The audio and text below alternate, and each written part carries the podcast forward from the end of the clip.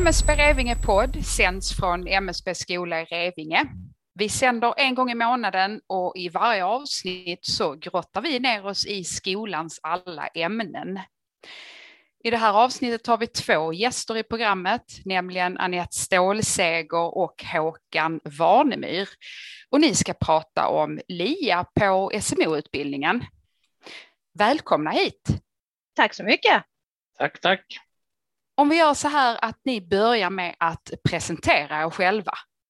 Lite vad ni gör på skolan, arbetsuppgifter, lite bakgrund. Vem vill börja? Jag låter Eldermannen svara först. Ja. Eh, Håkan Warnemyr heter jag, eh, jobbar på skolan som ansvarig för LIA-kursen på SMO. Eh, jag började på skolan i Revinge 1995 så att det börjar bli till inventarierna. Eh, brandlärare i många år och som sedan tre, fyra, fem år tillbaks eh, har gått över på det här med LIA och mer teoretiska bitar. Eh, det är väl i stort eh, min bakgrund och vad jag gör på skolan. Mm.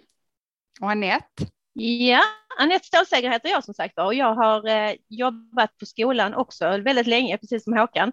Eh, jag har 20 års, hade 20-årsjubileum i fjol eh, och eh, jag började också på skolan som eh, lärare i akut omhändertagande och jobbar med det i de första 15 åren. Eh, och de sista, 15, eller sista fem åren nu, som man vill säga, har jag gått över till att hjälpa Håkan på, på LIAN och undervisa lite mer i riskdelarna. Men låt oss först bara eh, reda ut det här med LIA, själva begreppet. Vad, vad är det för någonting? LIA, det, det, står ju för lärande i arbete. Eh, så att det är ju en kurs, SMO-utbildningen innehåller ju tio delkurser och den här kursen under termin tre är en av delkurserna. Eh, så att tanken är att man ska lära sig massa saker och det ska man då göra ute under tiden som man är ute hos en räddningstjänst och får göra det. Så att det, det är ingen praktik i den bemärkelsen att man ska ut och praktisera, utan man ska vara med och lära. Och det innebär att det finns mer än att bara vara på plats och praktisera. Och sen innehåller utbildningen då fyra moment.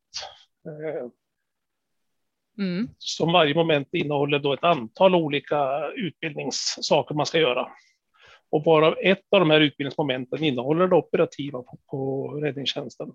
Men det är uppgifter kopplat till miljö, eh, reflektion i en dagbok som vi har.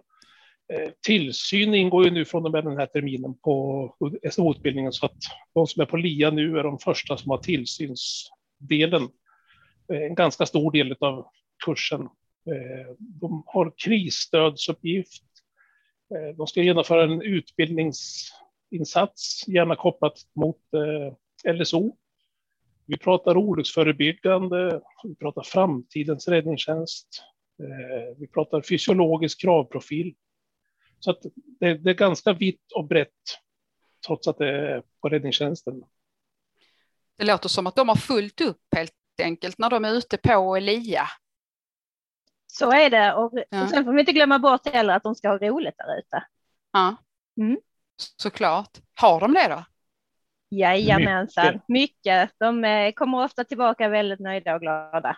Ja, men vad roligt. Jag tänkte på det här, när går SMOan ut på praktik under utbildningen? Mm, det gör när de gör i, de det? I termin tre går de ut eh, och eh, då går de ut och så är de ute 15 veckor varav ett antal av de veckorna kommer de att tillbringa på tillsyn numera. Eh, så att det är 15 veckor de är ute totalt. Mm. Det, precis, och det nämnde ju du också Håkan, det här med tillsyn. Alltså vad gör de då när de är ute på tillsyn? Vad hittar de på? Ja, tanken är att man ska följa ett tillsynsärende från att det initieras till att eh, besöket är avklarat och man eh, dokumenterar allting. Så att eh, det är inte bara ett tillsynsbesök man ska vara med på, utan hela ärendet från initiering till så att det är helt eh, dokumenterat och klart. Mm. Är det någon specifik skoluppgift som är kopplad till tillsyn? Mm, det stämmer, det är tre uppgifter som de har. De har en som, är, som handlar mer om olycksförebyggande arbete och sen har de ett som är tillsynsärende med, eh, eller tillsynsprocessen med en ärendehantering. Eh, och den är uppdelad i två delar där de eh, skriver en skriftlig inlämning på den ena och på den andra sitter de och gör en muntlig seminarieform. Mm. Och hur tycker ni att detta har funkat? Hittills eh, feedbacken vi har fått mm. är eh, översvallande positiv. Det har eh, lite eh, svårt har det varit för räddningstjänsten att veta nivån. Det är första terminen vi har det här, men när studenterna nu har varit ute fyra, fem veckor och de är jättenöjda med det de har fått från tillsynssidan och kopplat till den här uppgiften det som var vårt stora orosmoment var ju att de inte skulle kunna komma ut på och göra tillsyner på olika ställen på grund av coviden. Eh, men eh, det har ju visat sig att många har ändå lyckats få till det. De har kunnat komma ut och göra praktiska tillsyner och det har ju varit väldigt, väldigt positivt. Mm. Ja, men vad bra.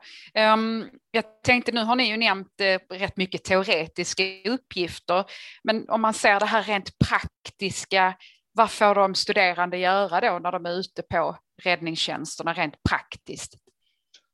Tanken är att de ska följa räddningstjänstens dagliga arbete och allt vad det innebär. Det är både tillsyn, det är övning, det är materiellvård, det är fys, det är operativt. Och vad, man, vad man får göra, det är ganska det är knutet väldigt mycket till hur räddningstjänsten är organiserad och vad man har för resurser och hur mycket folk man har. Men vad man får göra, så i princip får man göra allting utifrån att eh, handledare och skiftet ut på räddningstjänsten känner att studenterna klarar av det. Eh, det finns några saker man inte får göra och man får liksom inte rökdyka skarpt. Det, är någonting kopplat till utbildning och eh, godkänd rökdykare och AFS. Så att, men man får mycket väl vara med på övningar vad det gäller rökdykning. Mm. Man kan inte ta en ordinarie brandmansplats och, om någon blir sjuk. Eh, man får inte köra blåljus och även om man har C-kort och får köra brandbilar så får man inte köra skarpt så att säga. Men, så att det här är ett förtroende eller en check från våra studenter och räddningstjänsten. Hur mycket kan man göra? Och första veckan får man förmodligen stå mycket bredvid och titta. Sista veckan får man vara väldigt mycket engagerad och hjälpa till. Mm. Men hur rustar ni då de studerande inför nian? Inför allt det de ställs inför och ska göra? Ja, för det första så får de ju såklart alla ämnena eh, under de första två terminerna som de får eh, ta del av och lära sig både i teori och praktik. Sen är det ju så att de eh, har en kortlia som introduceras väldigt tidigt, redan i vecka eh, i termin ett så går de ut redan två, eller, eh, två veckor där de får vara ute på räddningstjänsten. Mm. Eh, och eh, för att få känna på yrket och få en liten snabb introduktion och se lite och känna efter i magen, är detta ett yrke som jag kan tänka mig i framtiden? Eh, sen under termin två så har vi en kort information om vad det innebär att gå ut på långlian. Vi har även uppföljning när de kommer tillbaka efter sin första kortlia, det glömde jag säga. Sen under termin tre så har de en djupare introduktion av vilka ämnen de kommer jobba med, vad det kommer innebära att vara ute på lian, Eh, vi går igenom som sagt vad uppgifterna de ska göra och vi pratar mycket om eh, hur de ska bemöta och hur de ska uppföra sig och vad det är för liksom regler som gäller. Eh, och sen har vi också detta året förberett dem väldigt mycket inför det här med coviden och hur man ska hantera den och hur viktigt det är att man följer de rådande riktlinjer som finns med tanke på att man jobbar i viktig näring. Mm. Okej, okay, men jag, jag, tänker, finns det några så här vanliga farhågor som ni brukar märka av att de studerande eh, liksom har innan de går ut på lian? Som ni tänker att ja, det där känner vi igen, det har vi hört förut. Många frågor som de ofta funderar kring är ju det här med fysen och hur de ska leva upp till den och eh, om de kommer klara deras fyskrav och deras banor. Och många har ju tankar kring att de vill ju bli deras kollegor i framtiden och det är väl klart att man vill göra ett gott intryck. Hur rustar ni räddningstjänsten då för att kunna ta emot studerande? Ja, eh, vi har på kurs 7 Lian så har vi studenter på samma räddningstjänster som skolan på Sandö, våra kollegor. Så att kurs 7 Lian har vi ett jättemycket utbyte med de lärarna där uppe. Hur vi informerar och vilka uppgifter vi har och, och så vidare. Så att vi gör på samma sätt och varje termin så har vi en handledarträff här i Revinge, eller rätt sagt på våren har vi en handledarträff i Revinge. Och då har Sandö en utbildning, handledarutbildning. Så att vi har både en träff där vi pratar erfarenheter, räddningstjänsterna utbyter mycket erfarenheter, lär av varandra. Eh, och sen har vi då en utbildning där vi utbildar handledare. Vad innebär det att vara handledare för våra studenter? Och när vi har de här träffarna, så när vi har en träff på våren så brukar Sandö vara delaktiga. Ofta på plats, eh, om inte det går så på distans. Eh, när vi har utbildning så gör vi på samma sätt, att den som håller utbildning eh, har besök av den andra skolan. Mm. Och sen på hösten så gör vi tvärsom, då har Sandö en handledarträff och eh, vi har en handledarutbildning. Så vi har tillfällen där vi försöker nå räddningstjänsterna med att berätta vad vi gör och hur det fungerar och att de får träffa varandra. Det är jätteviktigt och utbyta erfarenheter. Mm. Jag tänker de här räddningstjänsterna då som tar emot studerande, eh, är det obligatoriskt för dem att delta på de här handledarutbildningarna? Handledarträffarna? Nej, Nej det är det inte. Eh, vi hade under förra året sju, åtta tillfällen där vi utbildade räddningstjänster just det här kopplat till tillsyn, vad det innebar, den förändringen. Och det var ju målet att alla som tar emot LIA-studenter skulle ha någon med vid något tillfälle för att få en inblick i vad det är. Men vi har ingen som är tvingande. Mm. Ser ni några utmaningar i hur man har lagt upp eh, LIA-kursen? Det är klart det finns utmaningar och eh, det är ju så att dels är vi två skolor som ska liksom vara överens om hur vi vill köra. Eh, sen har vi också så att vi har eh, många räddningstjänster och som, som alla känner till så jobbar inte någon av räddningstjänsterna exakt likadant. Man har olika upplägg hur man jobbar, man har olika stora och små stationer, man har olika människa, antal människor i sina skift och så vidare. Och det här blir ju såklart en utmaning där vi inte kan säga att det alltid kommer att se likadant ut. Men utmaningen ligger ju i att oavsett hur räddningstjänsten är uppbyggd och liksom var studenterna kommer ifrån så ska de kunna bli bemötta på samma sätt och de ska göra exakt samma uppgifter. Och det viktiga för oss är ju att studenterna blir bedömda på samma sätt oavsett var, vilken station man går ut på och vilken skola man kommer ifrån. Mm. Jag tänker om det nu är så att det skulle vara något problem som skulle uppstå ute på lian, finns det någonstans då där man kan få stöd och hjälp? Och jag tänker både från om man är en studerande som råkar ut för någonting eller en räddningstjänst om de vill lyfta något problem. Självklart är det så att är det kopplat direkt till studierna så har man ju alltid möjlighet att vända sig till mig och Håkan eller till motsvarande lärarkollegor på Sandö. Eh, just för att diskutera studerandeuppgifter eller motsvarande. Eh, och det finns ju även elever som har ett behov av studiestöd och då finns ju både jag som jobbar med det på skolan och eh, du Lara som, som finns tillgängliga för våra studenter som behöver det stödet. Ehm, är det så att handledarna behöver stöd så givetvis får de gärna ta kontakt både med mig och Håkan eh, eller motsvarande kollegor på Sandö såklart för att diskutera eventuella svårigheter och så. Likaså om de upplever att någon student faller utanför ramen där de känner att det är någonting de vill prata med oss om så är de självklart välkomna att höra av sig, höra av sig till oss så att vi kan ha ett gott samtal i det och stötta varandra. Ehm, sen är det ju så att vi jobbar ju med skarpa situationer när de är ute och det är klart att studenterna kan drabbas av jobbiga händelser. Ehm, och där är ju räddningstjänsten fantastiska på att ta hand om våra studenter. Vi har väldigt, väldigt god erfarenhet av att de blir väldigt bra bemötta när de har varit utsatta för jobbiga händelser. Mm. Eh, självklart är det ju så att vi uppskattar om de meddelar oss också ute när någonting har hänt så att vi också kan följa upp studenterna. För att det är ju trots allt så att eleverna eller studenterna, de vill ju ha en anställning där i framtiden och vill kanske inte riktigt visa alla sina sidor. Och då kanske det är skönt att få prata med mig eller Håkan. Mm. I varje avsnitt eh, så får föregående gäst ställa en fråga till nästkommande gäst. Eh, och förra gången så hade vi Anna Emanuelsson och eh, Mikael Landgren här på besök och de pratade om farliga ämnen. De ställde varsin fråga till er som vi ska lyssna på nu. Jag tänker att vi börjar med att lyssna på Annas fråga. Jag har en fråga som jag funderar på eh, eftersom jag ju är eh, kvinna Mm. Eh, så tänker jag att i korridorerna i Revinge så är där en kampanj eller vad man nu ska kalla det, där det är väldigt mycket så information om kvinnor inom räddningstjänsten och att kvinnor är i minoritet och så här. Och då blir jag lite nyfiken på om man eh, har sådana frågor med sig när de är på LIA och vad, om man fångar upp tankar kring det? Det är ju många tjejer som går SMO, men hur, hur går det för dem när de kommer ut? Och, eh, vad, är, vad fångar man upp där? Vad säger ni? Hur hanterar ni kvinnors upplevelser på lian? Om ni ens märker något specifikt? Alltså, är det, är det speciellt att vara kvinna ute på lian? Eh, Hur hanterar vara. ni det då? Mm. Det kan vara. Eh, det är inte så att vi på något sätt försöker Eh, prata om att det är något speciellt att vara kvinna, utan vi har x antal studenter som ska utgöra LIA hos räddningstjänsten och eh, för våran del så är det ingen skillnad på varken man eller kvinna eller någonting annat.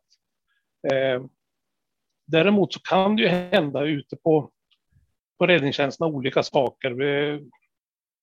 Vi, har ju en uppgift kopplad till en reflekterande dagbok där eh, vi är jättetydliga med att det som skrivs där, det stannar hos mig eller hos Anette om det är hon som läser den klassen. Där får vi ibland läsa om så, upplevelser som kvinnor har. Eh, det kan vara att det, det, finns inte kläder i storlekar. Det kan vara, det fanns inget omklädningsrum så man fick ta tvättstugan där killarnas tvättmaskin står. Kanske deras toalett också. Eh, sådana saker får vi läsa om och det är ju någonting som man tyvärr händer ibland. Men i det stora hela så är ju räddningstjänsten är ganska duktiga på att ta hand om det här. Och eh, om det är saker så är det undantagsfall som vi får läsa och höra om det här. Och, eh, vi skulle ju gärna gå vidare med sånt här till respektive räddningstjänst och kanske prata om de här situationerna. Men som Anette sa, de, våra LIA-studenter vill ju gärna ha jobb där de gör LIAN och då vill de inte utmärka sig på något sätt. Så vi har lite händerna bakbundna i det här. Mm. Mm. Men några saker som kan vara eh, exempel på vad som händer eh, när det är två LIA-studenter som kommer ut på och har lite genomgång på släckbilen så vänder sig handledaren till den kvinnliga studenten och försöker förklara hur det, olika verktyg fungerar. Det är bara det att den kvinnliga studenten är dessutom snickare. Eh, med, medan okay. den manliga studenten är student och har i stort sett inte sett en hammare. Mm. Eh, alltså man förutsätter med gamla traditioner att det är på ett visst sätt. Mm. Eh, sånt händer ju. Mm. Men, men det, förhoppningsvis är det någonting som går över, men det tar, tar tid. Mm. Just det. Ska vi lyssna på Mikaels fråga då? Ja, jag tänker att när man är ute på den här lian så skriver man ju en LIA-rapport. Man eh, har lite olika frågeställningar med sig som man ska jobba med. Så min undran är om, om, om farliga ämnen kommer in i bilden på något sätt här i det här arbetet de gör och de frågeställningar de ska behandla under LIAN. Gör ni någon koppling till farliga ämnen på LIA-kursen? Ja, det gör vi.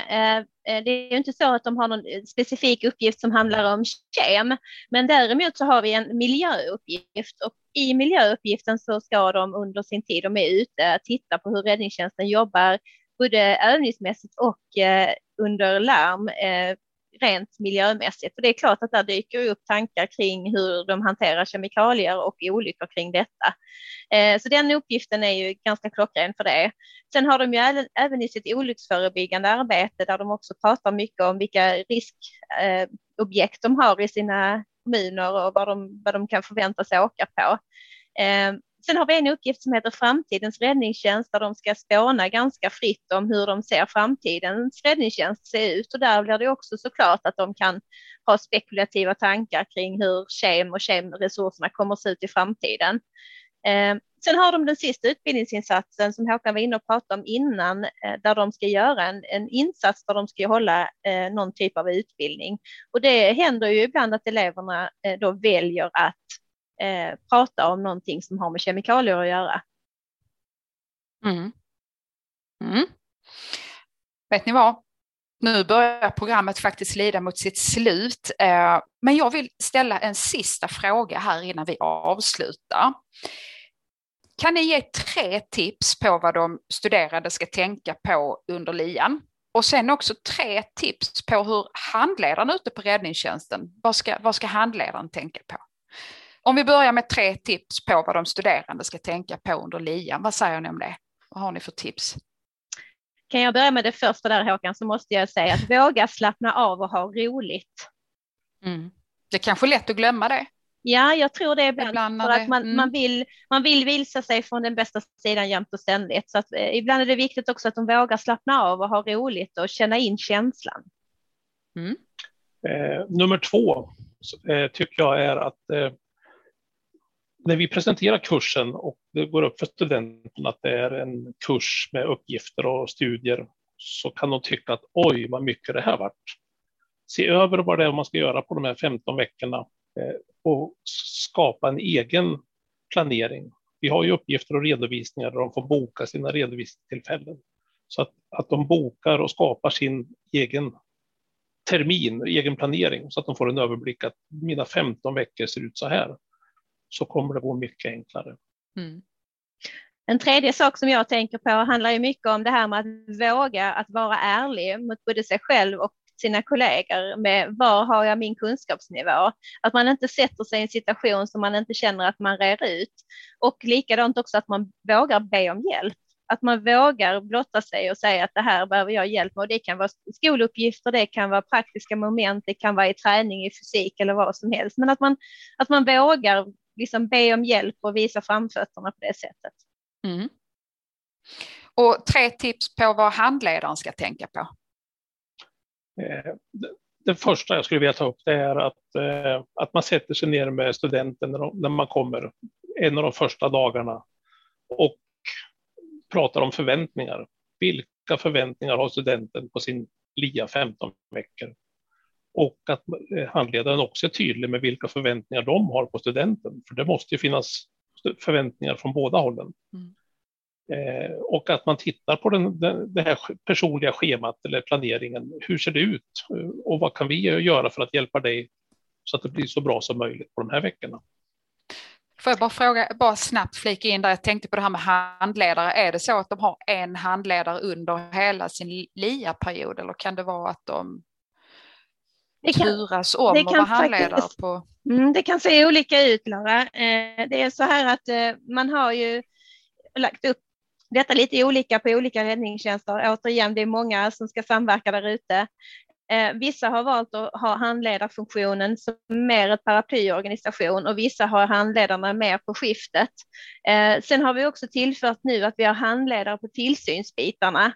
Eh, så att därför finns ju handledarbegreppet lite olika. Jag och Håkan föredrar egentligen att prata om det som att handledaren är den personen som finns på skiftet, medan eh, de som jobbar mer i paraplyn, som liksom samordnar i stora förbund, de skulle vi egentligen hellre vilja kalla koordinatorer.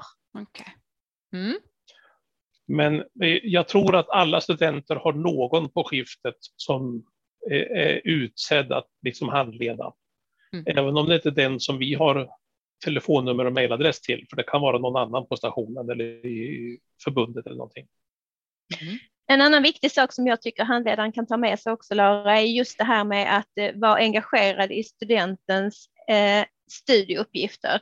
Att man inte bara ser det till att det är det som ska ske på plats, utan de examinerande uppgifterna är faktiskt de uppgifterna som eleven ska sitta och jobba med. Att man ger dem tid och utrymme att få lov att sitta med det på stationerna, att det inte blir ett tabuområde, utan det är liksom en självklarhet att de ska få lov att använda tid på stationen för att kunna göra sina uppgifter, precis som de gör sina uppgifter eh, som de har på sina stationer så är det viktigt att våra studenter får avsatt tid för att jobba med sina uppgifter. Mm. Det var det andra tipset va? Mm. Då blir det det tredje, sista. Eh, en handledare ska inte vara rädd att eh, höra av sig till skolan. Eh, är de det ibland? Märker ni det, att vissa drar sig för att höra av sig? Nej, jag vet inte om de, inte om de drar sig för det, men det är förhållandevis lite kontakter med räddningstjänsterna, eh, med eh, handledaren ut på skiften. Och jag tror att de har de mer frågor som de frågar studenterna och det kanske inte alltid de får det svar som eh, är det helt korrekta. Okay. Det har varit förhållandevis ganska få frågor också från tillsynssidan med tanke på att det är första gången vi kör det, så det kan säkert finnas ett behov. Men nu har vi gjort som så att vi kommer ha en träff som vi kommer ha fokus, en handledarträff som kommer ha fokus på hur har det gått med tillsyn och implementeringen av det. Så det ska bli jättespännande att få ta del av deras erfarenheter och se hur vi kan vända och vrida på det för att dela med oss av goda erfarenheter som vi har lärt oss nu under den första tiden här. Alla får ju vara ödmjuka med att det är första gången vi har kört det. Så att det ska bli jätteintressant att dela erfarenheter på den träffen. Mm. En massa användbara tips får jag säga. Um, i nästa avsnitt så kommer Rutger Granberg hit. Han är lärare på skolan och han ska prata om normer inom räddningstjänsten. Eh, vad är det för fråga ni vill skicka vidare till honom? Eller har ni bestämt er, är det varsin fråga ni skickar vidare eller? Ja, All right. Ska Anette få börja den här gången? Det kan jag visst göra. Och då ja. tänkte jag att eh, du skulle få lov att eh, fundera lite grann på denna Rutger. Hur gör man brandmannayrket mer attraktivt för kvinnor och folk med annan etnisk bakgrund? Mm. Mm. Varsågod Rutger. Ja, och eh, ja. jag har en fråga till Rutger och det är eh, både min och Anettes bakgrund är från den praktiska sidan som lärare. Och nu sitter vi på den lite mer teoretiska, men det sker inte samtidigt. Rutger är ju lärare både på praktiska sidan och mer teoretiska sidan. Och nu kopplat med tillsyn som har kommit in. Hur ser eh, Rutger, hur ser du på den kombinationen att vara både och? Lärare både teoretiskt och praktiskt. Mm. Tack så mycket. Um, och då tackar jag väldigt mycket för att ni ville vara med i programmet. Det var jättekul att ha er här. Tyckte ni det var roligt att vara med? Självklart var det det och det är alltid kul att prata om eh, det vi håller på med. Vi, både jag och Håkan, jag tror vi kan prata för oss båda två att vi tycker det är världens roligaste jobb att jobba med dem under lian. Ja. Jätteintressant och jättekul. Toppen. Då eh, säger jag hej då och eh, missa nu inte att lyssna på eh, nästa avsnitt som kommer ut om en månad. Hej då! Hej då, tack så mycket! Hej då, tack så mycket!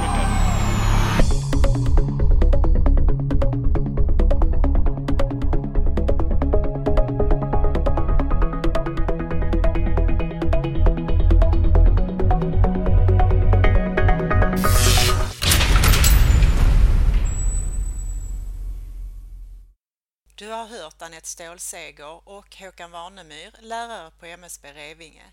Intervjuade gjorde Laura Kristbjernadottir.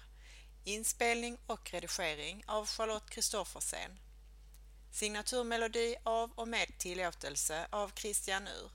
Länkar hittar du på msbrevingepodd.wordpress.com MSB Revinge april 2021